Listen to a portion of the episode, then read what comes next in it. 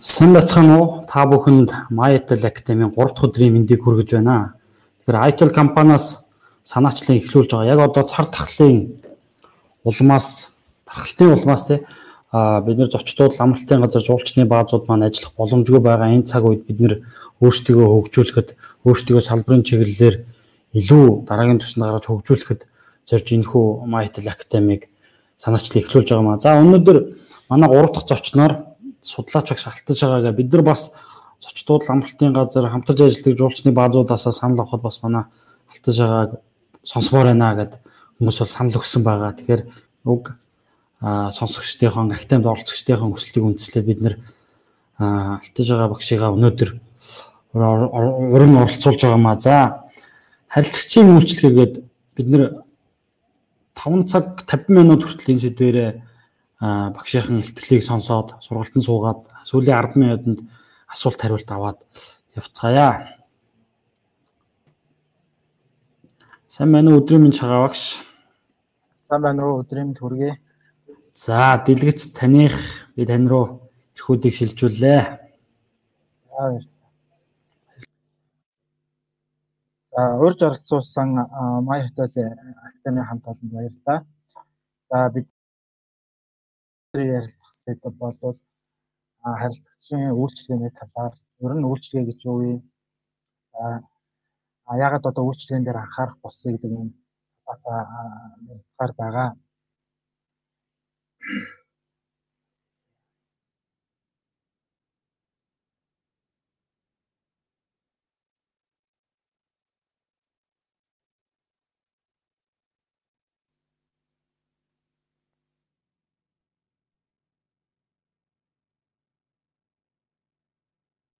За. За дэлгэцэн дээрээс та хэд одоогоос нэг 3-аас 4 жилийн өмнө болсон нэг үйл явдлыг харж байгаа. За энэ бол United United Airlines гэдэг компани эцсийн үйлчилгээний алдаа байгаа. Өөрөөр хэлэх юм бол а нэг одоо нислэгийн одоо суудлын тоог илүү битсэн тийм. За тэгээд нэг одоо зорчигчийг бол үлдээх шаардлага үүссэн. За тэгээд тус одоо компани одоо харуул хамгаалтын ажилтнууд одоо онгоцны үүдэн хэсэг сууж байсан одоо энэ солонгос одоо үйлчлүүлэгчийг бол нөгөө татаж одоо чирж буулгах гэж оролцсон энэ үйлдэл нь бол тухайн компани одоо нэр хүндэд маш богино хугацаанд одоо юм нөлөөлсөн. За тэгээд энэ 1 минут 34 секундын бичлэг нь бол одоо ерөөсөө нэг хоногийн дотор 160 сая хүн үтсэн. За ингээд бол нөгөө тус компани одоо нэр хүн, имиж, брэнд одоо үнцнүүд бол юм алдагдсан байна. За тэгээ нэг жилийн хугацаанд энэ компани бол 800 орчим сая Америк долларын юм алдагдгийг бүтээсэн. За тэгээ энэ одоо цаана үр дагаврууд нь юу байсан бэ гэхээр мэдээж одоо зах зээлийн Азийн зах зээлийн бууралтууд явагдсан. За ягаад тэгэхээр Одоо ер нь бол энэ нөгөө үйлчлүүлэгчийг ялгарлан хадгалах байх тийм. Энэ бол нөгөө санамсаргүй үйлс байсан. Эдгээрч аа хүмүүсийн одоо мохомсос болвол энэ ялгарлан хадгалах гэдэг ойлголтыг өгсөн. За тэгээд энээс бол зах зээлийн одоо хомигдол бий болсон. За үүнийг гадаагаад бол орлогын одоо бууралт явагдсан.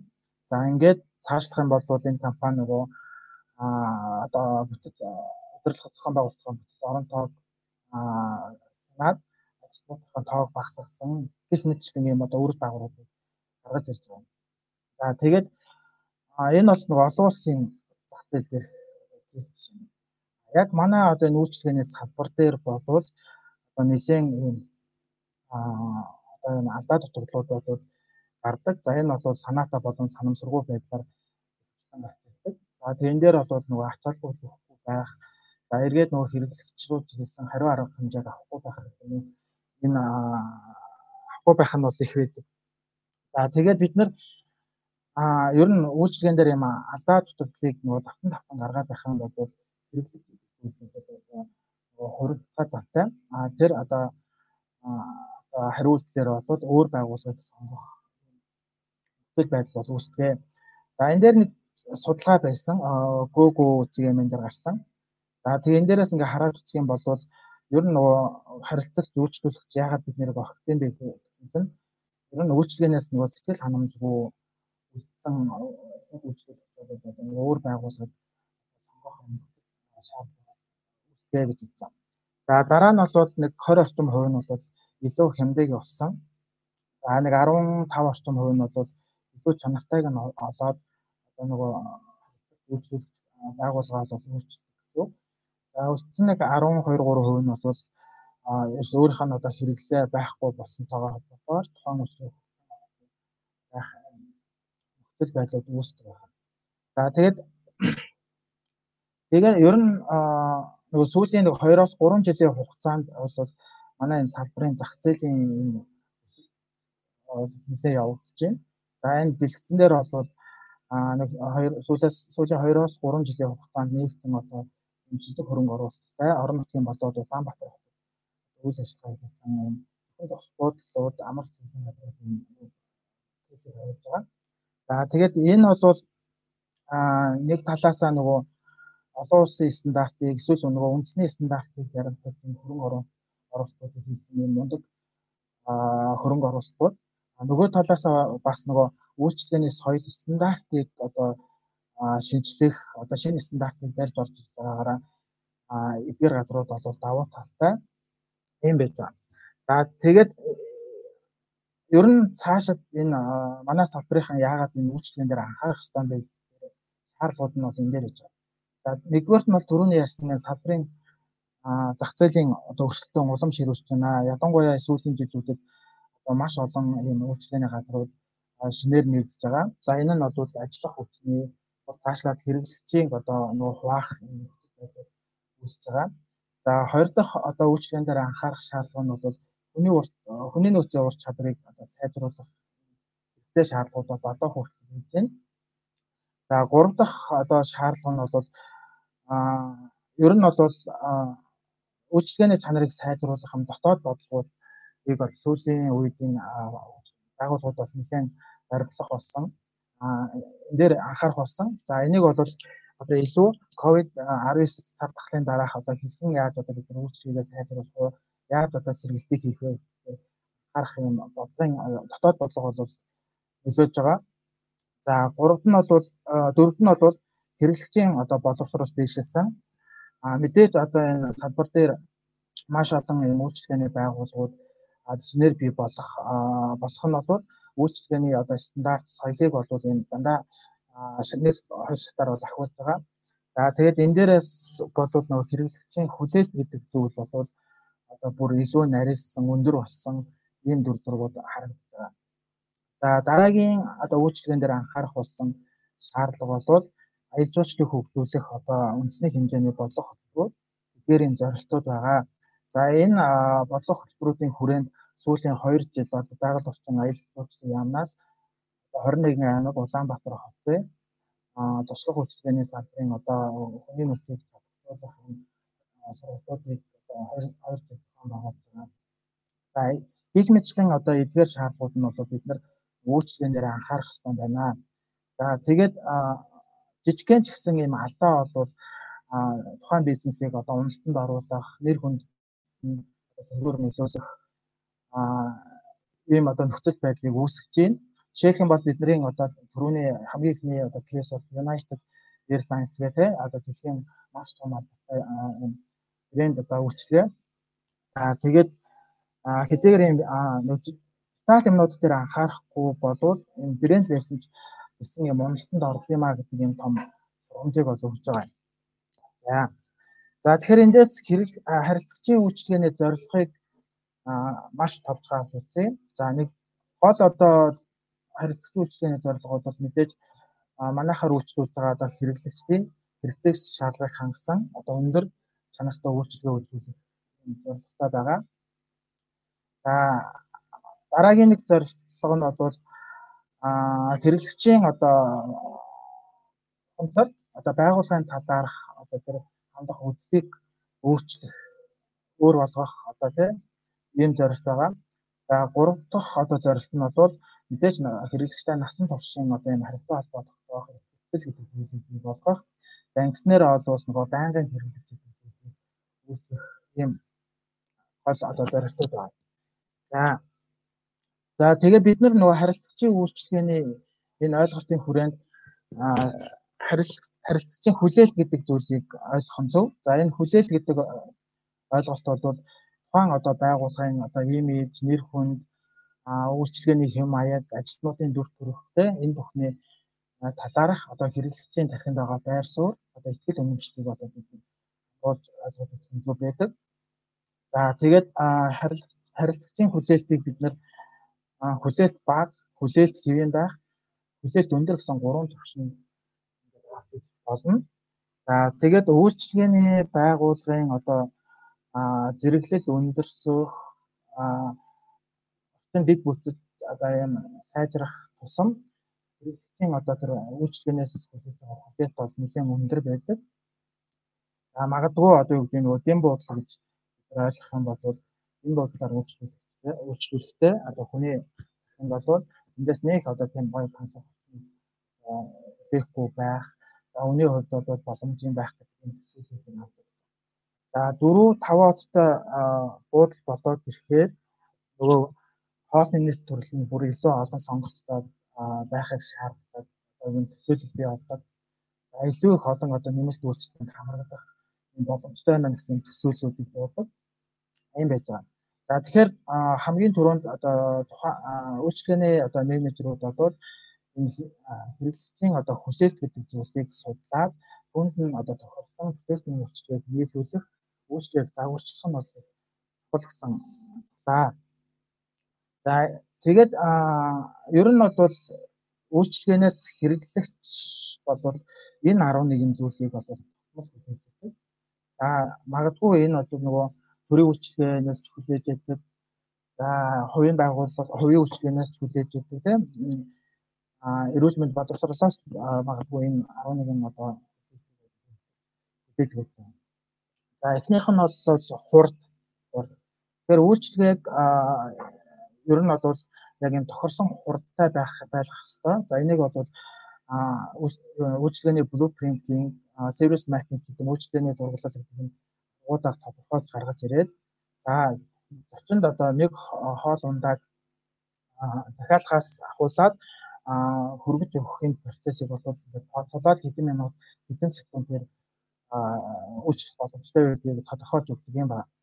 За тэгээд ер нь үйлчлэгээ ингээ хүлээгдэх тусам хэрэглэгчдийн хувьд бол юм одоо нөгөө сөрөг мэдрэмжүүдийг өгдөг, уурлах, бухимдах, дээрэс нөгөө нэг үйлчлэгээний ажилтай одоо ойлгомжгүй мэдээлэл өгсөн, тэ буруу тайлбар өгсөн юм шиг мэдрэмжүүд сууж идэг. Тэгэхээр одоо аль болох нөгөө хүчтэй хурдаар үйлчлэл үзүүлэх юм байна. За дараа нь бас нөгөө хитрхи хурдан юм жирэлцэн үйлчлэгээнүүд байлгаж болохгүй. За үйлчлэгээний ажилтныг нөгөө сонгон шалгаруулж авахдаа а сангионы холерик темпераментийн хүмүүсийг ялангуяа нөгөө зочинтой нүүр тулах энэ автон дээр авчдаг одоо зөөгч юм уу те ачаад зөөгч гэдэг байдаг. За тэгэнгүүт энэ хүмүүсийн маань нөгөө төрөлхийн одоо үг үйлдэл нь бол хурдан байдаг учраас бас нөгөө юм таагүй сэтгэлүүдийг төрүүлдэг. Магадгүй ингээд нөгөө нүдний урд уран зэрэгцээ. Тэгээ маш хурдан хөдлөх, тэр үйл хөдлөлүүд нь алдаа гаргах гэх юм уу. Ийм өрсөлдүүдийг үүсгдэг. За тэр хурд дээр л анхаарах нь зөв. За хоёр дахь анхаарах зүйл бол нөгөө үнэн зөв бодит байдал мэдээллийг бол өгөх ёстой. За аль нэгжээс хамаарат бүх хамаарахгүйгээр бүх ажилтнууд бол нөгөө байгууллагын талаарх үнэн зөв бодиттой мэдээллийг энэ хүлээлт үйлчлүүлэх нь бол зөв байдаг. За дараагийн нэг хүлээлт бол халамж. За мэдээж олвол нөгөө аа зочны яг одоо ямар нэгэн хашилтаа юу тий энэ одоо таны захиалж байгаа хоол бол ийм юм орчноор учраас таны танд хашилт магадгүй эсвэл энэ нөгөө үндэсний одоо соёл уламжлалыг шингээсэн одоо энэ хоол учраас танд одоо хувцас магадгүй юм уу энэ зүйлийг хэлэх нь бол халамжийн хэлбэр болоо. За дараагийн нэг хэрэглэгчийн хүлээдэг зүйл бол мэдлэг. За ер нь бол бүтээгдэхүүн үйлчлэгээнээс гадна одоо тухайн үйлчлэгээний байгууллагын за холбоотой одоо эргэн тойрны одоо үүсэх зүйлүүд тэ одоо ямар аялын компаниг сонгох илүү одоо найдвартай байдаг юм уу? Энэ зүйлүүдийг одоо зочдтой нүүр тулан харилцдаг үйлчлэгээний ажилтнууд одоо мэдэх нь бол чухал за за хэрвээ үйлчлэгээний ажилтан одоо зочны асуусан зүйлийг одоо хариулж мэдэхгүй байгаа тохиолдолд заавал одоо нөгөө хинэгнээс асуугаад эргэж би тийм холбоосыг ёстой. За тэгээд дараа нь одоо дадаж асуусныхаа мэдсэнийхаа дараа одоо зочинд хэлэх одоо их онцтой. За дараа нь үйлчлэгээ холбогдоход яг амархан байх хэрэгтэй. За өнөөдөр жишээлх юм бол би ингээд Unitel-ийн 14 14 балхуу залгаж байлаа. За ойролцоогоор оператортой холбогдохын тулд бол 3 минут нэг 14 секунд орчим дуудуулж байгаа. За тэгээд эндээс юу гэж хэлэх гээд байна вэ гэхээр мэдээж үйлчлүүлэгчийг хүлээлгэх одоо юу гэдэг нь олон шатд амжилтыг бий болгох нь эргээд юм нөгөө таагүй мэдрэмж сөрөг мэдрэмжүүд үүсгээс аль болох нөгөө төргийн богинохон хугацаанд холбогдох нөхцөлийг бүрдүүлэх нь бол байна. За зарим тохиолдолд бол энэ өргөн холбооны лавлахууд за бүр цаашлах юм бол нөгөө төрийн байгууллагуудын лавлахууд бол 30 минут олон дахин үүсгдэг. За тэгэхээр үйлчлэгээний одоо салбарт ажиллаж байгаа бидний хувьд бол нэг дүрмийг баримтлах хэрэгтэй. За хэрэглэгчийн хувьд бол энэ үйлчлэгээ гэдэг бол алт. Цаг бол алт. Аа бидний хувьд бол мөнгө гэдэг ойлголтыг хөвшүүлэх хэрэгтэй. Хэрэглэгчид бид нэр асар богинохон хугацаанд үйлчлэх нь бол мэдээж тэр хүний одоо сэтгэл ханамжууд нөлөөлөв олон зэрэг одоо үйлчлүүлэгчдөө үйлчлэг үзүүлэгчдийн нөхцлүүд үүсдэг. За хэрэглэгчийн хувьд бол нөгөө мөнгө төлж байгаа учраас аль болох нөгөө богинохон хугацаанд холбогдох үйлчлэгийг авах нь бол хараалах юм. За дараа нь үйлчлэгээ бол аюулгүй байх хэрэгтэй. За мэдээж энийг бол манайхан маш сайн одоо хангаж байгаа. За цаашаа ч бүр илүү хангах хэрэгтэй. За жишээлх юм бол би нэг аа буудалд ингээд зөвлөгөө өгөөд явж исэн. Төрийн албаны хүмүүст ингээд явж исэн. За тэгээд лифтэнд ингээд суусан чинь лифтний тоормос тасраад жишээлх юм бол ингээд маш хурдан унж агаад 2 3 давхрынхаа хооронд одоо ингээд завсаад тэгээд бат хооронд нь ажиллаад зогсох жишээ. За энэ бол үйлчлэгээ нь. За тэгээд тэр хоол үйлдвэрлэл талаасаа зочны одоо хувийн орон зай тэр мэдээллийг хадгалагтай холбоотой энэ аюулгүй байдлуудыг үйлчлэгээний салбарт хангах. За дараагийн нэг хүлээдэг зүйл бол зөвхөн нөгөө зочныг өөрийг нь хүлээж авах юм шиг мэдрэмж төрүүлэх үйлчлэг бол за тэр энэ дээр бол нөгөө зочныг одоо нэрээр нь дуудах одоо хүндэтгэлийн харилцаа үүсгэх за бидний бас нэг гаргадаг алдаа бол нөгөө хаа хичээ гэж дууддаг тийм энэ одоо үг хэлгийг бол хэмжүүлэхгүй байх болж өгвөл одоо яг одоо манай одоо дээр тулгуурлаад та гэдэг нэр томыг хэлнэ. Түүнээс одоо хэн гээдтэй хахаатан ч гэдэг юм уу энэ үг хэлбэл тохиромжгүй. За. За дараа нь нэг цонхны үйлчлэгээ гэдгийг үзүүлнэ. Хүлээждэг. За буудлын хувьд бол аа ресепшны ширээ. За ресторан дээр бол нөгөө касын одоо трик. За энэ дээрээс бол нөгөө такси дуудах гэдэг юм уу эсвэл одоо буудлын өрөөг захиалах юм уу энэ бүх зүйлүүдийг тийм дээрэс нь дээрэс нөгөө байгууллагатай холбоотой бүх одоо мэдээлэл үйлчлэгээ энэ нөхцөлийг нь бүрдүүлчих нь бол зөө. За дараа нь бол үйлчлэгээ хэв загвартай байх хэрэгтэй. За хэв загвар гэдэг бол яг нөгөө тухайн одоо барилга байгууламжийнхаа одоо хүний нөөцийнхаа чадамж дээр тулгуурлаад манайх бол одоо 3 одны үйлчлэгүүд манайх 5 одны үйлчлэгүүд загварыг гаргаж ирнэ. За тэгээд хэв загварын хүрээнд бол эргээд тэр сая хамгийн ихэнд ярьсан хурд гэдэг зүйлийг ухаалах энэ одоо судалгаанууд бол хийгдэнэ. За за дараа нь бол асуудлыг нь шийдэх шийдэх байдлыг бол үйлчлүүлэгч ингээ хүлээдэг. За өөрөөр хэлбэл бол зочин одоо үйлчлүүлэгчид тухайн байгууллагад санал гомдол хийх за тэрийг одоо хэрхэн шийдвэрлэж байна ямар хариу арга хэмжээ байна вэ нь энэ бол одоо үйлчлүүлэгчийн хүлээлт авч хурлаа За энэ зураг дээр болохоор ер нь бид нар нөгөө байнгын үйлчлүүлэгч одоо шинэ үйлчлүүлэгч хэдэн одоо анхны сэтгэлийг төрүүлээд роялти хөтөлбөрийг үүсгэж байгаа тийм а тэрнээсээ шалтгаалаад одоо нөгөө байгууллагын ашиг орлогын одоо бүртгүүлэлт яригдж байгаа. За анхны сэтгэл гэдэг бол яг нөгөө сэтгэл зүйн талаасаа бол эхний одоо 90 секунд үүсдэг. Огт хоёр танихгүй хүн ингээд өөдөөдөөс хараад ууцдаг үүсдэг. Гэхдээ бидний одоо төсөөллөөр бол за энэ одоо алтан шагаар дүгнээ да гэж бодохгүй аль хэзээний нөгөө дахинд одоо ухамсарлагдаагүй процесс явагдаад дүгнэлтийг бол гаргацсан. За ингээ үйлчлэгээний байгууллагын ажилтнууд анхны сэтгэлийг маш сайн одоо хүчтэй ингээ төрүүлж юм бол анх одоо төсөөлж исэн төсөөллөөсөө нөгөө тооцооллоосоо 6 дахин юм зардлыг зарцуулахад бэлэн байдаг. За яг над дээр нэг өөрт гарсан нэг жишээ байгаа. Энэ бол саяхан гарсан жишээ. За нэг байгууллагаар ороод нөгөө ингээд инспекшн нөхцөл байдлын одоо шинжилгээ хийх юм болсон.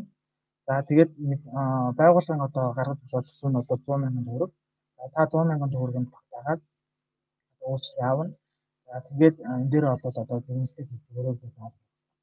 За ингээд ороод нөгөө уучлалуулээд тухайн одоо нөгөө ажилтнанд ингээ харилцаад ярилцж байгаа хувьцад тухайн ажилтны одоо бүтээгдэхүүнийг санал болгох байгаа байдал одоо харилцаж байгаа байдал ер нь бие авчиж байгаа байдал эднэр бол таалагдаад нэг мэдсэн чинь ер нь бол маш их хооц хэлсэн гэсэн. За тэгээд дараа нь тооцоо авсан чинь 300 одоо 90 мянган төгрөгийн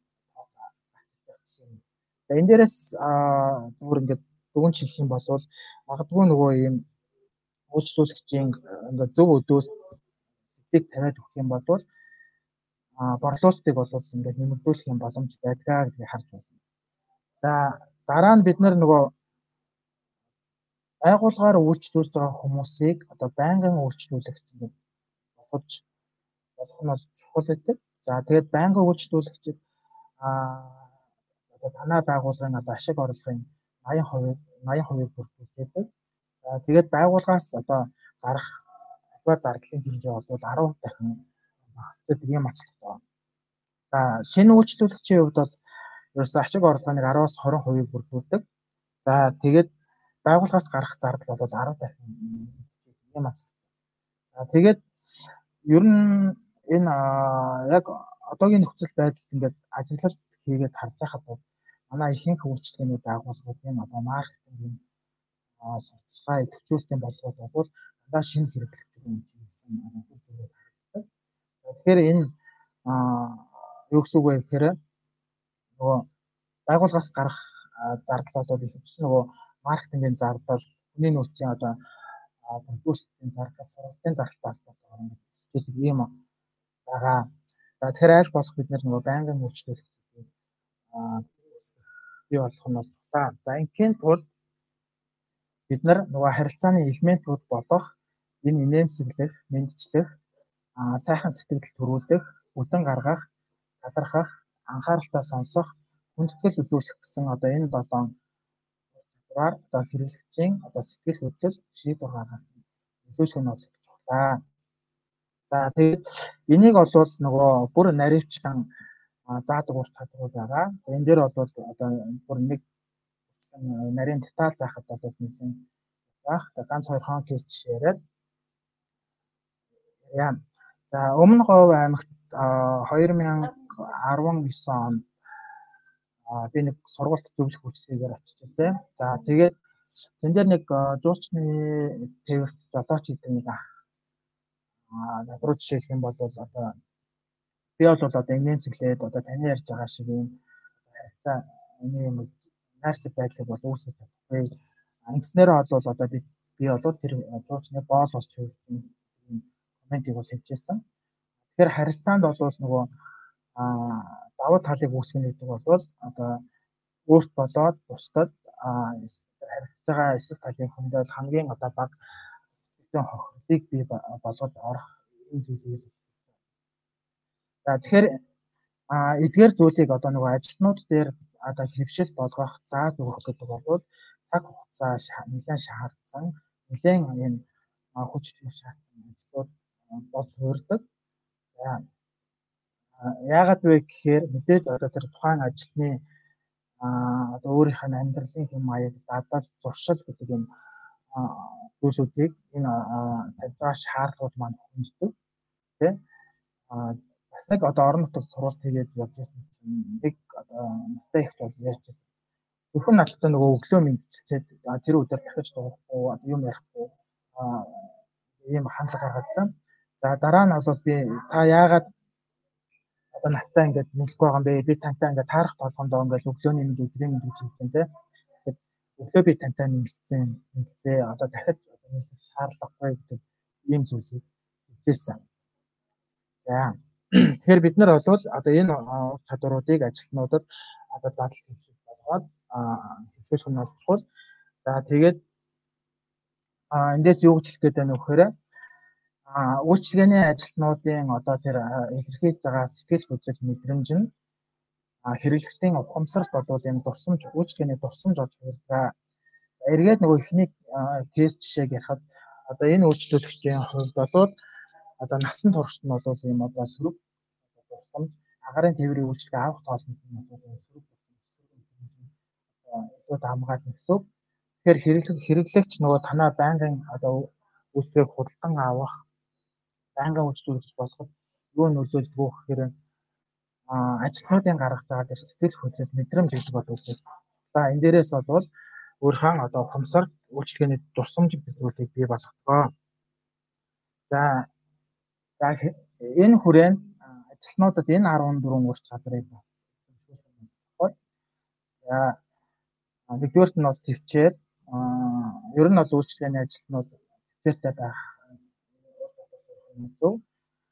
Өөр салбарын өөрийн онцлог байгаа. Хөтөлбөрийн цаг урт дээрэс нь нөгөө олон янзын одоо ааш ахынчтай хүмүүстэй харилцдаг. За энэ онцлогууд нь бол нөгөө ажилтнуудыг төвчээртэй байх, тэ зочдыг анхааралтай сонсох, за халамж тавих, за харилцааны ур чадрын хувьд бол маш өндөр одоо техник эзэмшсэн. За зөөлөн одоо илдэг байх. За байгууллагын одоо борлуулалтыг нэмэгдүүлэх зорилгоор бол бүтээгдэхүүн үйлчлэгээний талаарх мэдлэг бол өргөн байх. За мэдээлэл хуурч чадвартай байх, одоо хувийн зохион байгуулалт, цагийн менежмент сайн байх. За эрг одоо үг хэлбэрүүдийг түгээмэл ашиглах. За энэ нь бол иргэд нөгөө хэрэглэгч үйлчлэгчдэд эрг мэдрэмжийг сэтгэлийг одоо төрүүлэх энэ зорилготой. За үйлчлүүлэгчийг унших чадвар. За энэ бол мөн адил нөгөө үйлчлүүлэгчийн одоо зан төлөв, сэтгэл зүй. За тэр хүмүүс хүний нөгөө худалдан авах бүтээгдэхүүн үйлчлэгээний мэдлэг энэ зүйлүүд орж ирнэ. За дараа нь тайвшрал. За мэдээж түрүүн хэлсэн нөгөө нийгмийн одоо янз бүрийн бүлгийн янз бүрийн зан аранчтай хүмүүстэй харилцаж байгаа учраас уурлаж бухимдах тохиолдлууд үйлчлэгээний ажилд үүсдэг.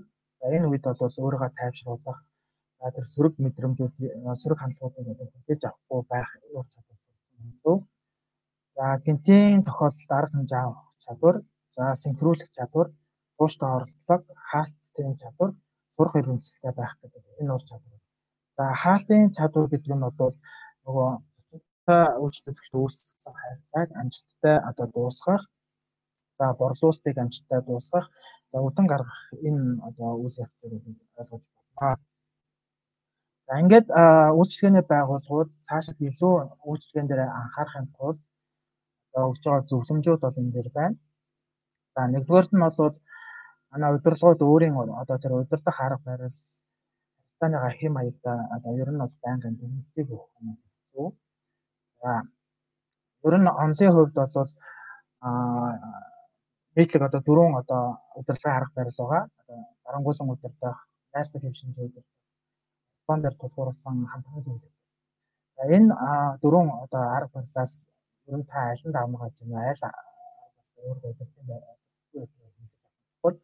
За дарангуулан удирдах одоо арга барилтай энэ хүмүүс бол байгууллага дээр хэрэг мэдлийг өөрөө ганцаараа эзэмших, байгууллагын нөөцийг ганцаараа нөгөө захиран зарцуулах ийм одоо сонирхол давмгаалт учраас ажлуудын одоо үзэл бодлыг сонсох сонирхох ч юм уу энэ зүйл бол бага байна. За За найрсаг хэв шинжийн удирдагчийн хувьд бодоод ирэхээр ер нь бол нэг ажилтнуудтай бол хизээч юм сөрөг хандлагыг гаргадаг. Гэхдээ энэ хүн бол нөгөө байгууллага доторх мэдээллийг олж авахын тулд энэ пирамидын тогтолцоогоор мэдээлэл их үүсрэг үүсгдэг. Өөрөөр хэлбэл баруун гар зүүн гар гэдэг хүмүүсийг сонгодог. За баруун гар нь дахиад нөгөө мэдээллийг олж авахын тулд өөрийнхөө баруун гар зүүн гарыг гэдэг энэ пирамид тогтолцоо үүсгдэг. За тэгээд ер нь бол өөрт нь нөгөө мэдээлэл сайн дамжуулсан ийм хүмүүсийг шагнаж урамшуулах, ихтгэл өгөх, заалбан тушаал өгөх ч юм ийм зүйлээр тэр хүмүүсийг өөрт татдаг. А тэгэхээр нөгөө бизнесийн хувьд бол хамгийн одоо хор юм Өөрөөр хэлбэл нөгөө буруу мэдээлэл дээр шийдвэрүүд гаргаад амархан дампуурах ийм эрсдэл байсан. За оролцоон дээр тулгуурлах ийм хэв шинжтэй удирдахч бол ер нь бол нөгөө тутмын процесс руу хийх ордог. Гаас ажилтнууд ийм барамт шахалдаг. За давуу талын хувьд бол ажилтнуудтайгаа байн их цагийг нөгөө өнгөрөөж байгаа учраас ажилтнуудынхаа үзэл бодлыг сонсох сонсох тэрийг нөгөө шийдвэртээ оруулах юм. За хамтран зөвлөх хэм маяг бол арга барил бол а ер нь бол ажилтнуудад нэг хоёр удаа нөгөө хийх байгаа хийж чадах байгаа зүйлийг заад өгөөд дараа нь бол хөндлөнгөөс харах одоо юм бид. За тэгээд ер нь бол нөгөө энэ дурван аргыг яг өөрийнхөө одоо илрүүлдэг юм судалгаанууд байгаа. Энэ тестүүд байгаа. Тэр тестээр ингээд өөрсдөө өмнө хэлээд аль арга нь одоо дамгаа гарч ирж байгаа юм тодорхойлох хэрэгтэй. За хоёрдугаарт энэ аргатай уялдаад одоо өдөр тутмын одоо нэг үйл ажиллагаа хийхэд одоо ямар зүйлүүд одоо нөлөөлж ийн гэдгийг ингээд өөрийнхөө талаас нь хараад ирсэн. За энэ бол чухал. За зарим одоо удирдагч нар бол одоо өөрийнхөө сэтгэл хөдлөлийг одоо хит гаргадаг. Энэ нь бол нөгөө менежментэд нөлөөлдөг. Тэгээд үйлчлэгээний соёлд нь нөлөөлдөг юм үр дүнууд нийлсэж харагддаг. А зарим нь бол одоо юу гэх юм засгийн зайнаас ажилтнууд менежеруудтай харьцаад а тэр ингээд бизнес удирддаг ийм юм харагдсан. Тэгэхээр энэ удирдлагын арга барил гэдэг бол үйлчлэгээний чанар энэ харилцагчийн үйлчлэгээтэй холбоот энэ салшгүй холбоотой ойлголт байгаа. За дараагийн нэг анхаарах зүйл бол нөгөө хэрэглэгч хэрэглэгчдийнхаа хэрэгцээ хүлээлтийг ер нь бол байнга судалдах хэрэгтэй. Магадгүй нэг жилийн өмнө бид судалгаа хийсэн. Тэр судалгаа маань одоо нөгөө үнцэн надад хэрэглэгчийн одоо худалдан авах юм уу, зам төлөв юм уу, өөрчлөлтүүд аль хэзээ бий болсон гэсэн. Тэгэхээр болж өгвөл та хэрэглэгчийн хэрэгцээг тодорхойлох сэтгэл ханамжийг одоо үнэлэх энэ судалгаануудыг хамгийн багтаа одоо 6 сарын хугацаанд хийгээд трийг одоо нөгөө үр дүнг нь бол менежменттэй нэвтрүүлэх нь бол за за гурав дахь зөвлөмж нь бол өрсөлдөгчөө судлах. Өрсөлдөгчөө судлах.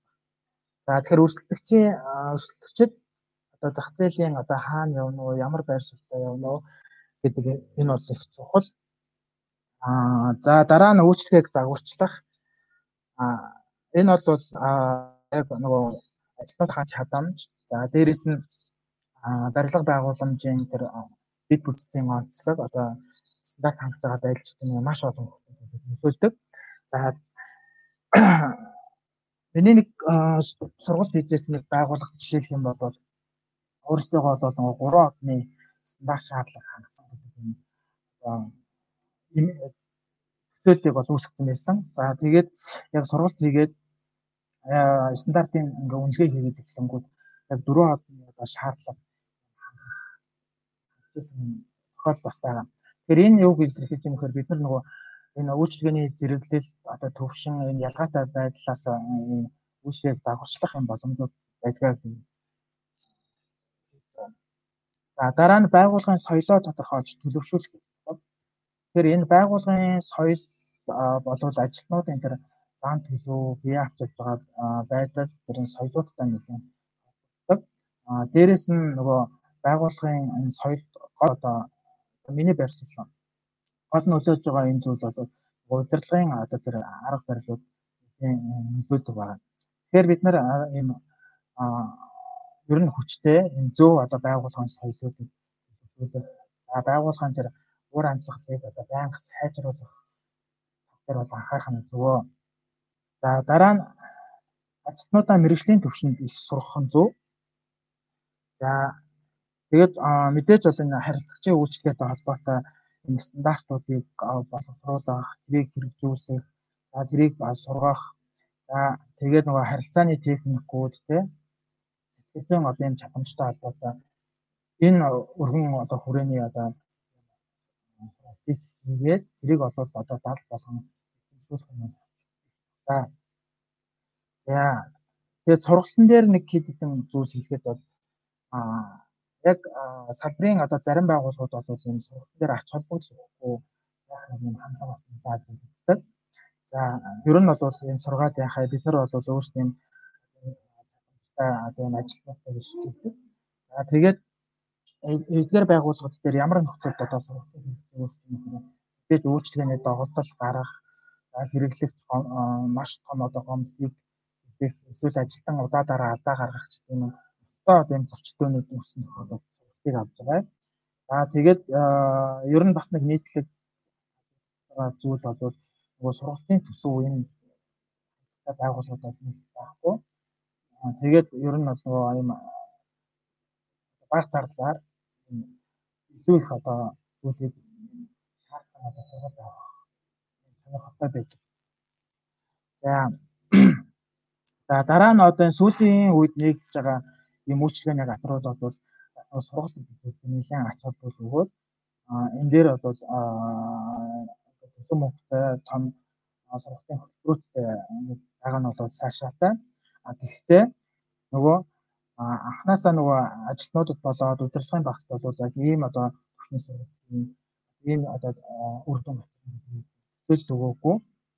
Дээрээс нь нөгөө ажилтнуудынхаа сургалтын хэрэгцээг тодорхойлоогүй болоод нэгэн одоо үр дүнгүй сургалт эсвэл одоо цаг хугацаа алдсан ийм сургалтууд хийдэг байгаа. Тэгэхээр эдгээр дээр манай байгууллагууд анхаарах нь зөвөө.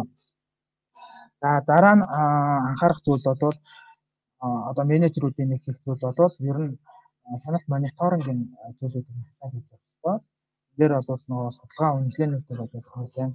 Ийж тэр судалгааны үр дүнүүдийг ашиглах, за сайжруулах процессыг болгох. За. За за энэ дээр бол аа ажилтнуудын талаас одоо бид нар одоо хэвшүүлэх юм зүйл байгаа. За нэгдүгээрт нь бол ажилтнуудад өөртөө итгэлтэй байх, ажилдаа сэтгэл хангалуун байх энэ одоо зарчмыг бол зөв. Тэгэхээр удирдлагууд нэг анхаарах зүйл бол ер нь нөгөө ажилтнуудыг сэтгэл ханамжтай байлгах, ажлын байран дээр дуртай байлгах гэж бид нар өөрчлөлтний танаар сэтгэл ханамжтай зөв. За инként бол бид нар эргээд нөгөө бүр хүний нөхцийн одоо бүрдүүлэлт сонгон шалгуулах нэг хэвээр тухайн ажлын байранд тавигдах шаардлагыг зөв одоо боловсруулж тавих за хүний нөхцийн бүрдүүлэлтийг зөв хийх те хэлбэл нөгөө байгууллагын соёлдоо тохирсон энэ хүний сонгон шалгуулж аваад ажлын байран дээр ингээд сургаж бодлуулах нь зөв. За сүүлийн үед одоо миний хэрэгжилж байгаа нэг техник болвол Хөдөлмөрийн тухай хуулийн 23-ыг 23-2 дээр заагддаг туршилтын хугацаа гэж байгаа. За энэ хугацаанд болвол одоо нэг ажилтнуудыг сонгон шалгуулж аваад төр ажиллах хугацаанд нь дасан зохицох хөтөлбөр гэдэг зүйлээр сургадаг. За дасан зохицох хөтөлбөрийн гол зорилго бол нөгөө шинэ ажилтныг ажлын байран дээр одоо дасан зохицуулах, байгууллагын соёл соёлд одоо сургах байгууллага өөх түүхийг одоо танилцуулах гэдэг юм асуудлууд нэлээд байгаа. За тэгээд хүний нөөцийн одоо менежерүүд жижиг дунд буудлууд үйлчлэгээний байгууллагууд дээр хүний нөөц байхгүй. Цэвэр нөөцлөгийн менежер байгаа. За энэ хүмүүс бол нөгөө хөлбөрийн гэрээ байгууллагатайгаа зэрэгцээд нөгөө ажлын байрны тодорхойлолт бас дад гарын үсэг зурдаг. За дасан зохицох хөтөлбөрийг одоо гол төлөв болвол аль нэг хариуцсан одоо менежер аа чиглүүлээд одоо нөгөө зааж сургах үйлчлэгээний технологиуд, байгууллагын дүрм журмыг танилцуулах, үг түүхийг танилцуулах энэ зүйлийг юм. За чиглүүлэх сургаалт одоо ажлын байран дээр дасан зохицуулахтай холбоотой юу чиглэлүүдийг болохоор хүний нөөцөнд хариуцсан ч юм уу энэ байна. За ингээд тухайн ажилтан дасан зохицохыг хэр их хурдан сурч чадна. Компьютер чинээгээр бол нөгөө тухайн байгууллагын чиглэсэн ажилтан болно. За ийм техник хэрэгжилж байгаа. За тэгээд дасан зохицох бол сүүлдээ нөгөө үнэлгээтэй. Үнэлгээ нь бол ингээд мэдээж нөгөө дүрм журм танилцуулж байгаа үйлчлэгээний технологи гэж байгаа боловч яг үнэлгээн дээр бол нөгөө ажилтны эзэмших ёстой одоо энэ ур чадваруудыг тавьж өгдөг. За нөгөө ажлыг одоо технологийн дагуу хийж гэнэ үү ажлын цаг ашиглалт одоо бүтээмжтэй дайсныг нэм үзүүлэлтээр дүгндэг гэсэн. За ингээд төслийн хугацаанд нь сургаж чадсан ажилтан байх юм бол одоо тухайн байгууллагад бол удаан ажиллах юм төр зураг бол нийтлэг харагдаж байна. Яг одоо манай салбар дээр бодит байгаа нэг ажиглалтаа зүйл бол нэг одоо ажлын зав тавиад тэрүүгээр ирээд ярилцлаганд орж байгаа ажил гойрлагч нараас одоо арай нэг гайгүй шалгуурт тэнцэж байгаа эсвэл өөрийнхөө үнэлэмжээр нэгийг нь шууд сонгоо авчдаг. За сонгож авсан ажилтнгаа шууд нөгөө сургалт хөгжил хийхгүйгээр танилцуулга хийхгүйгээр шууд нөгөө ажлын байран дээр гаргаад ажилуулах юм тохиолдол их байна. За ингээд нөгөө буудлын талаарх мэдлэггүй хоол ундааны эцэстайгээ танилцаагүй ажилтан зочинтой ингээд нүүр тулаад харилцаанд ороход ямар нэгэн алдаа гаргах, доголдол гаргах ийм дүр зураг бол харагдаж байгаа. Тэгэхээр аа ер нь бол нөгөө байгууллагын сургалт бол шинэ ажилтныг хэрхэн яаж сургахыг за арай нэг тогтвортой удаан ажиллаж байгаа ажилтнуудыг яаж ажиллах сурах юм бэ гэх юм асуудал хөндөг. За дараа нь бас нэг манай салбар дээр ажиглагдж байгаа нэг зүйл бол сургалтаар маш их залхаасан юмнууд харагдаж байна. За ялангуяа энэ нөгөө төрийн байгууллагууд дээр энэ сургалтыг хийнгүүт ерөөс ингээд 7 хоногийн 5 дахь өглөө болгон одоо нэг сургалт хийдэг. Дээрээс нөгөө сар болгон хийдэг. Тэ ийм маш олон сургалтууд хийдэг. Тэр нь бол нэг залхах процесс юу. За дараа нь энэ сургалтын хүрээнд нэг ажиглагдж байгаа зүйл бол аа нөгөө нэг сургалтын хэрэгцээгээ буруу тодорхойлсноос болоод нэг бол хэтэрхийн баг доод түвшний мэдлэгийг өндөр чадамжтай хүмүүс зааж байна. Эсвэл нөгөө юм бага чадамжтай хүмүүс их өндөр одоо ийм одоо он зур чадрын мэдлэгийг олгож байгаа юм дүр зургууд харагдаж байгаа. Тэгэхээр хамгийн харах ёстой зүйл бол нөгөө үйлчлэгээний байгууллагууд ажилтнуудынхаа энэ сургалтын хэрэгцээ гэдэг нь маш сайн тодорхойлох нь зөвөө. За ингээд сургаж хөгжүүлэх, за тэр үйлчлэгээний одоо философи томьёож гаргах соёлыг одоо зөв төлөвшүүлэх болвол энэ сэтгэл ханамжтай ажилтан гэдгээс бий болдог. За ийм байхын тулд ажилтнуудад өөртөө итгэлтэй байх, ажилдаа дуртай байх гэдэг нь зарчмыг зөвөө. За хоёр дахь зарчим бол ийдэг найрсаг байхад анхаарлаа хандуулах юм шиг. За мэдээж хүн бол нөгөө сэтгэл хөдлөлтэй үйлчлүүлэгчдэр ажилласан. Тэгэхээр яг тухайн нөхцөл байдалтай уялдуулаад яг нөгөө хүлээж авч байгаа одоо сэтгэл хөдлөл мэдрэмжийг мэдэрдэг. Магадгүй үйлчлүүлэгч уурлаад бухимдаад ингээ орилоо чарлаад байгаа юм тохиолдол бол ажилтан бол нөгөө уурлах, бухимдах, стресстэй мэдрэмжийг авч байдаг. За тэгэхээр аль болох үйлчлэгээний ажилтнууд бод сэтгэлийн хөдөлгөөн гэдгийг танах за илдэг байх эрэг харилцааг үүсгэх юм. За за дөрөвт нь бол харилцан хэрэгцээг ойлгох. За энэ бол нэлээд ярьсан. Одоо мянга одоо үйлчлэгээний ажилтнууд эрэг хандлагатай байгаад орж ирж байгаа үйлчлүүлэгчийн одоо юу хүсэж байгаа, ямар бүтээгдэхүүн хүсэж байгаа, тэ ямар хэрэглэл хэрэгцээтэй орж ирж байгааг хэрэггүй байх юм бол хандлага үнцэнгүй. Тэгэхээр одоо нөгөө зан төлөвийн хувьд а бүтээгдэхүүний худалдан авч байгаа байдлынх нь хувьд сэтгэлийн хувьд нь бол үйлчлэгээний ажилтнууд судлаачийн байр төвшин байх. За ингээд судлаад өөрсдийнхөө одоо тэр гаргаж ирж байгаа таамаглал үр дүнд бол маркетингийн харилцагч үйлчлэгээний тэ үйлчлэгээний бодлогын төвшөнд одоо ингээд сэргээж оруулах нь хэцүү. За тав дахь одоо зарчим бол ажил мэргэжлийг одоо мэргэжлийн өндөр түвшинд гүйцэтгэх энэ зүйлийг бол өгөх нь зөв.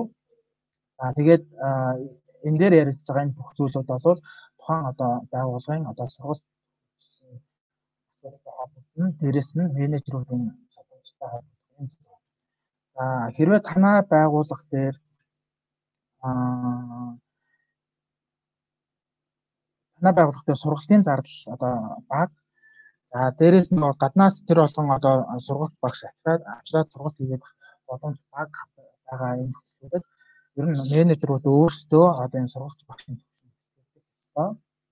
За тэгээд сургалтыг бол а одоо юу гэдэг нэг биднийх шиг одоо энэ PowerPoint үзүүлээд те ингээд юм биш. Ер нь бол нэг үйлдвэрлэлээр ажиллаж байгаа хүмүүс ингэ даваад болвол бүх зүйлийг ажлын тань дээр богино хугацаанд үзүүлэх боломж гэдэг учраас 5 10 минутаар нэг ур чадрын онц сургалтыг хийгээд тэрийг эзэмшүүлэх. За. За. За асуулт хариултын хаана хэсгээр авъя.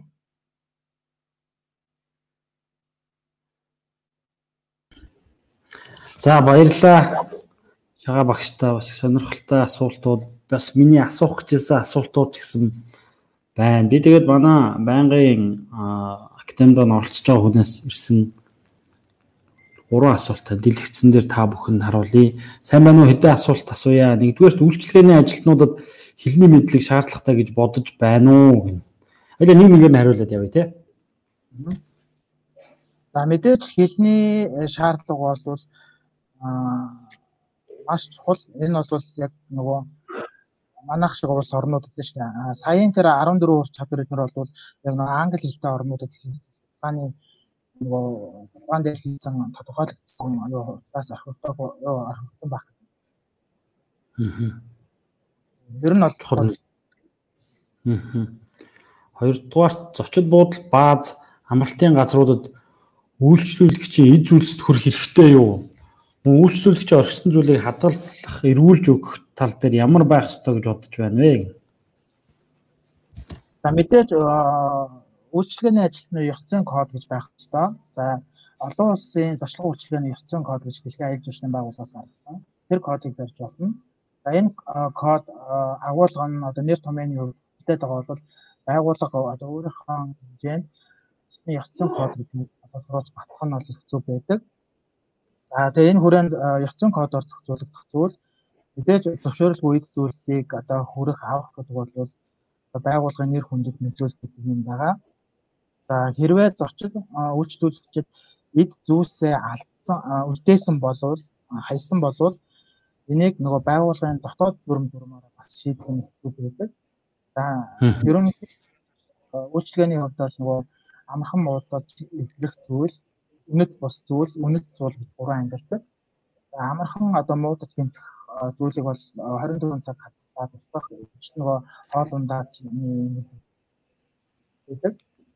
За үнэт бус зүйл дээр нь бол нөгөө бэлэг дурсгалын зүйлүүд янз бүрийн юмнууд ордог. За үнэт зүйл гэдэг дээр бол нөгөө үйлчлүүлэгчийн үнэтэй бүгэж тэ камер компьютер гэдэг юм зүйлүүд ордог. За тэгээд энэ нөгөө англиас шалтгаалаад хадгалах хугацааг байгууллага өөрөө тодорхойлно.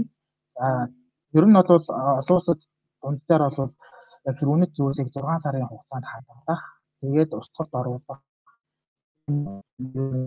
устгад бол харагдчихэдэг. юм байна. За би зүгээр сая хажуугаар нь Google дээр үзээд үзэх жишээлбэл зочдуудлын ажилтнуудыг Code of Conduct-ийн одоо нөгөө ажлын тэр ч одоо ёс зүйн дүрм гэх юм уу да. Тийм ээ байдаг. Тэгэхээр тиймэрхүү жишээнүүдийг бас үзэж байгаа боловсруулад гаргуул зүгээр юм болов гэж бодоод байна. За баярлалаа. За дараагийн асуулт маань за би дэлгэцэн дээр мөн гаргаад харуулъя. За харилцаа хандлагаас гадна хөвөний хөвөнд чиглэсэн сургалт хийдгүү гэсэн байна. Ер нь бол үйлчлэгээд холбогдсон сургалтуудыг нөгөө яг хувь хүний хөгжил гар нь бол хэрэггүй. Тэр нь бол үйлчлэгээний салбарын ажилтнуудын тэр харилцаа хандлага, харилцааны ур чадруу талаас нь зөвхөн зочид буудал гэхгүй би түрүү слайдууд дунд харж байхад бас өөр одоо нислэгийн ч уу өөр чиглэлийн энэ харилцааны сургалтууд бас орд юм ээ тий. Аа 17 оноос хойш бол би нөгөө Чингис хааны спорт бол иргэний засгийн нөгөө спортын өдөр удирдлагын газруудын. Тэр чиглэл рүү бас нэлийн сургалтууд хийсэн. Аа. За дараагийн асуулт байна. Сайн байна уу? Ковидын дараа харилцагчийн үйлчлэгэнд ямар өөрчлөлт гарах вэ? Ямар зөвлөмж өгөх вэ гэж. Энийг өцгтөр уржтэр мөнх бат захирал хаяр хэлсэн байна. Тэгээ ер нь бол нэлээд өөрчлөлтүүд орох байх. За яг энэ талаар бол би одоогийн байдлаар нарийн баг учраас хэлж мэдэхгүй байна. Аа ер нь нөгөө 11 хүлээлтээс бол тэр халамжлах үйлчлэгийг баталгаажуулт юм ба яг хүнтэй харилцааны тал дээр бол харилцаа байх хэрэгтэй. Мөнхөө захирлыг би хэлжсэн зүгээр товчлоод байх хэрэгтэй. Гэхдээ зайнаас илүү аюулгүй гэдэг нь тий. Тэгэхгүй илүү ойртоод эхлэх юм бол хүмүүс одоо ч нэг удамжид гэж шүү. Хүмүүс цэсэндээ жоохон тойрч марч явдаг болсон. А ойр хүмүүс ойр дотны хүмүүстэй уулзсан ч гар үлээ барьдаг болсон тий. Тэгэхээр тэр шиг жоохон зайнаас аюулгүй гэхдээ тэр үнд тэр халамжийг бас үргэлжлүүлэн үзүүлж явах хэрэгтэй тий. Өөрөөс нь айгаад байгаа юм шиг нөгөө Азууд Европт хүн болгон ковид болж харагдаж байгаа гэдэг бас тийм мэдрэмж төрүүлж болохгүй байх болов. За би бас нэг асуулт. Сүүлд бас та сургалтын дээр ярьж байлаа энэ нөгөө хүмүүсээ сургах тал дээр тий бид нэр зоч дуудлал жуулчны бааз амралтын газруудаа ажиллаад байхад эдэн дээр тулгарч байгаа нэг асуудал бол хүний ажиллаж байгаа хүмүүсийн эргэц бол маш өндөр. Нэгч одоо нэг юм таваараа гараа таваараа орж ирэх биш 1 2 1 2-ороо гарч ороод гарч ороод байдаг юм билээ л дээ.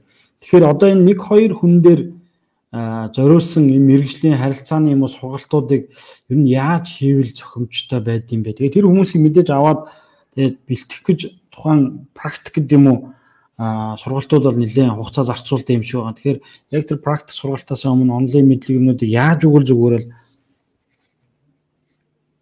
За яг одоо би өөрийнхөө туршлагыг хэлээ. Ер нь бол ажлын байран дээр нь яг энэ харилцаа хандлага технологийн сургалтууд нь яг техник сургалтын үр дүн бол бага байдаг. За тэгээд нөгөө ер нь бол нөгөө байгууллагын байгууллагатаа гэрээ хийхдээ бол бич нэгэн л нөгөө харилцаа хандлага зааж байгаа учраас одоо юу гэдэг нийт 100% ажлын нэг бич нь 20 хүртэлх хувиа болов танхимын болоод тэрийг бол нөгөө нийт ажилтнуудад нэг давтан заах тэгээ шинэ ажилтнуудад заах юм зорилгоор заадаг. За үлдсэн 80%-ийг нь бол цэвэр нөгөө шинэ ажилтнуудад тулж харилцах яг энэ нөгөө хүний нөөцөөр бол нэг ажлын байрны зураглал мэдээж нэг дагаж яваад нэг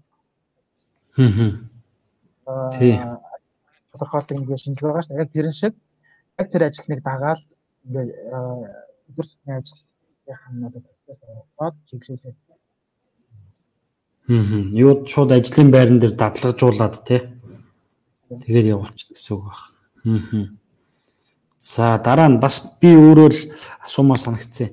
Одоо энэ сошиал нэтворкүүд дээр аль нэгэн үйлчлэгэн дээр бид нэр ревю өгж болдог болсон дээ. Надад таалагдсан эсвэл таалагдаагүй гэх тий. За онлайн захиалгын системүүд байгаа энэ Booking, Agoda, Expedia гэдэг бүгдээрээ юм ревю хэсэгтэй болчихсон. Тэгэхээр энэ ревю ер нь зочид буудлын үйл ажиллагаанд богино болоод урт хугацаанд ямар нөлөө үзүүлэх бол одоо би бол зоч дуудлага захиалгахдаа ер нь ревюудыг хардаг байхгүй. Тэдээс дээш ревювтэй буудлал 20 доллар байсан ч 200 доллар байсан ч ямар ч тохиолдолд ревю өндөртэй газар болох юм бол юм сэтгэл ханамжтай байдаг гэж боддог хүн. Тэгэхээр манайхаа ер нь энэ онлайн хэрэглэгчийн санал сэтгэгдэл дээр хэр ач холбогдол өгдөг бол энэний нөлөө юу нь юу гэдэг бол ер нь өгдөг байгууллагууд бол нэлээд байгаа. А зарим ихэнх газрууд бол яг энэ ревю дээр бол атал бүгдл өгөхгүй юм зүр зүр харагдана. Тэгээ нөгөө гадны гаднаас ирж байгаа захиалга тэр гадны зурчд бол дээр бол нэлээд тийм ач холбогдол өгдөг. За тэгээд одоо нөгөө марк хэмжлэлт маркетинг орвол нөгөө ярьдаг байсан чинь нэг хүнд бид нар маш сайн үйлчлэг өгүүлчих юм бол а дөрвөн хүнд бол ингээд нөлөөлөд ярьж байдаг. Тэр дөрвөн хүн нь бол ухаан байгууллага үйлчлэгээ авдаг. За нэг хүн муу үйлчлэгээ үзүүлчих юм бол нөгөө 20 хүн сөргөөр ярьж байдаг. Тэр нөгөө муу үйлчлэгээний кейсийг ярьж байдаг тийм. Тэр адилхан одоо яг нөгөө аман маркетинг чинь гол зүйл бол нөгөө сошиал нэтворк шилжсэн. За өмнө сошиал нэтворк байхгүйсэн нөгөө нөгөө ойрлох энэ бүх зургууд нэлээд гэсэн болвол одоо бол тийм биш зүгээр нөгөө тэр үйлчлэгээний газрын одоо пэйж дээр ч юм уу одоо ямар нэгэн бид бас ч юм уу хийдэг. Тэр нь хэрвээ байгуулгын үйлчлэгээнд бол нэлээд нөлөөлж байгаа. Дээрэс нь худалдан авалтны сонгогдсон дээр бас нэлээд болно. Аа бас энэтэй холбоотой бас нэг асуулт нь одоо нийт хэрэглэх хуучин маркетинг дээр их ярьдаг байсан да. Нийт хэрэглэгч 96% нь л үү. Ердөөсөө танаа тухай тэр гомдлоо хэлэхгүйгээр зүгээр л орхио авчдаг гэдэг. 4% нь гомдол хэлдэг. Тэгэхээр гомдлыг хайрл гэдэг. Тэгэхээр энэ зочдууд байрлажаад хүний гарсныхан дараа за энэ онлайн захиалгын системүүд нэг ревю авч ин тэр хүн үнэхээр талархаад эсвэл үнэхээр ямар нэгэн зүйл таалагддаг бол онлайн орчинд ороод өөрөө бичиж чинь. За зарим гадны зочдууд бол араас юм мэйл ирдэг те. Та ингээ манай зочдууд үйлчлэгийг үнэлээрэ гэж Тэгэхээр өөр одоо манай жуулчны баазууд, амралтын газрууд, зочдлуудын хувьд өөр хэрэглэгчийн санал сэтгэл хүслийг ер нь мэдэх арга юу байгаа бол? Аа нэг чаасан дээр суурсан байдлаар нэг яг миний нэг юм. Маш олон газрууд сургалт зөвлөгөө ингээд үзүүлээ явж байхад хэрэглэгдсэн нэг хүр зургууд болохоор манай менежерүүд захирлууд хүмүүсийн янз бүр аман байдал дээрээс нэлээд дүнлэлтэй. Тэгэхээр Түүний таны хэлдэг энэ статистик бол 4% хувийн илэрхийлж байгаа. Цаана 96% нь бол бас эрэг сөргсөн одоо дүнэлтэд явж штэ. Тэгэхээр тэрийг бид нар нөгөө яг үр дүн болгоод а одоо менежментэд тусгаж одоо тийм гаргаж байгаа процессын алтайгаа засъя гэж бодож байгаа бол одоо миний байр бол нөгөө цаасан байр суурь тэрийг болвол одоо нөгөө болох нь Тэр ам байдлаар нэлийн тийм дүгнэлтүүд юм захиал. За дараагийн асуулт байна. Хэрэглэгч хаан гэдэг үзэлтэй санал нийлж байна уу гэнэ? Аа би болохоор яг цаал мөн чанарын хувьд бол нөгөө хэрэглэгчийн эрэлт хэрэгцээг судлаад түүнд нь тохирсон бүтээгдэхүүн үйлчлэгийг бид нар санал болгож байна. Хэрэглэгч хаан гэдэг байр суурь энэ хэрэглэгч хаан гэдэг үгнээсээ илүүтэй яг оюутнуудад байгууллагын ажилтнуудад зааж өгдөг нэг болоод хэрэглэгч бүр ирхэн яг нөгөө хэрэглэгч нар болоод ирэхээр яг энэ үгэн дээр тулгуурлаад нөгөө ийм төрөмгийн зан гаргах, ажилтнуудыг дээрлэх гэдэг ийм үйлдэл гаргадаг. За тэгээд нөгөө эргээд ажилтан үйлчлэгээний ажилтан одоо нөгөө зөв шаардлага тавьдаг. Тэгэхээр би одоо хаан гэдэг энэ юунаас үүдэлтэй бэ гэхээр нөгөө хэрэглэгч өөрөө ингээд ер нь бол нөгөө улс орнуудаар аялаад юм хураавар соёл тэгээд яг нөгөө үйлчлэгээний талаарх юм бүрэн төгс одоо мэдээлэл байхгүй. Ухаан одоо үйлчлэгээний газрах газрын талаарх юм хүлээлт байхгүй тохиолдолд энэ хураавар соёлынхаа нөлөө илэрч бац үздэг. Энэ ажиглах процесс ажиглахад бол энэ процесс нэлийн бамгаа гарч ирдэг гэсэн. За тэгэхээр ер нь байгууллагууд бол нөгөө хэрэглэгч хаан гэхээсээ илүүтэйгээр хэрэглэгч бүр ирхэм хийх ойлгох хэрэгтэй гэж. За сүүлийн асуулт. Ер нь үлгэр жишээ одоо энэ Монголын зочдлуудаар ороод үйлчлүүлээд таач одоо чиглэлийн хувьд бол За энэ тийм байна, энэ юм байна гэж боддог байлгүй те. Үлгэр жишээ. За эдний үйлчлэгээ бол үнэхээр бас өөр үдэ шүү. Үзээрэй гэд тэг санал болгох буудал, цочдууд л те. Жуулчны бааз, амралтын газар юу байгаа бол. За ер нь маш олон газрууд байж байгаа. За орох тоолонд одоо одоо үйлчлэгээ бол нэг төвшин байж байгаа. Одоо буудлууд миний хувьд бол хэс гэж байна. За сүүлийн Аа ер нь нөгөө орчин дизайны хувьд бол одоо тэр нөгөө хоёр гэсэн матик баавч тий. Тэр бол дизайны хувьд бол вау. Гэхдээ нөгөө үйлчлэгээний хувьд бол бас шаардлагатай. За тэгээд бас нөгөө бойжуулж байгаа гэдэг утгаараа л үр хангаа аймгийн тэр богд богд. Аа. Хийсээ бас нэг бидний гарч ирж байгаа жишээ ядтар нүнлээ өгөөсөө юм уу. Мм. Мм. За би бас яг энтэй зэрэгцээд одоо booking дээр booking.com дээр Монголын зочдууд амралтын газар зарим газрууд бол booking дээрээс төр хаагдсан байж магадгүй зүгээр хамгийн өндөр reviewтэй байгаа нэг 3 4 за 5 газрыг нь жишээ дурдаад үзүүлье. А нэгдүгээрт болохоор тэрэлж хотел and spa тэрэлжид байдаг тэрэлж зочдууд байна. 9.10 10-аас 9.2 reviewтэй. Хоёрдугаарт нарантуул зочдууд 9.1-тэй 10-аас 9.1-тэй юм байна. Гуравдугаарт Ibis Улаанбаатар зочдууд 8.9-тэй. Дөрөвдүгээр Shangri-La 8.7-тэй. Тавдугаарт Novotel 8.7-тай гэдэг энэ зочдуудлууд за 6 дахь Blue Sky Баянгол гэд ингээд явж байна. Тэгэхээр иймэрхүү зочдууд бас хэрэглэгчээс гадны Booking Agoda дээр авсан салаараа бас өндөр байж байгаа юм байна шүү. Тэгээ мэдээлэл өгөхөд. За шагаа багштай маш их баярлалаа. Цаг зав гаргаж бидний урилгыг хүлээж авч салбарынхантайгаа сонирхолтой яриа өрнөсөн. Тэгэхээр бидний сургалтын турш за 20 30 хүн гэл янз бүр үзэж байна. Анхны мөнхөд захирлын яриаг өнөөдөр өглөө би үзэхэд 1200 хүн ингээд өдөр болго одоо бид нар онлайны бас нэг яг хөө зарим талдаа холоос зайнаас суралцахад сул талтай байдаг ч гэсэн давуу тал нь хүмүүс нэг ажиллаад хараад юм өөртөө боломжтой а зав гарсан үедээ сургалтуудаар суугаад араас нь үзээд ах шүү. Тэгээд цаг хугацаанд бас энэ сургалтууд маань үзэгчдийн тоо нэмэгдээд бас манай байнгын орж ирдэг хүмүүс бас байгаад байгаа. Ингээд явж байгаа шүү. Тань цаг заваа гаргаж өөрийнх нь туршлагаас мэдлэгээсээ хуваалцсан маш их баярлалаа. Аа баярлалаа. Тэгээ нөгөө маш өргөн ойлголтыг нөгөө богинохон цаг хугацаанд байгаа учраас нөгөө тал талын мэдээллүүдийг шүүс хийж магадгүй.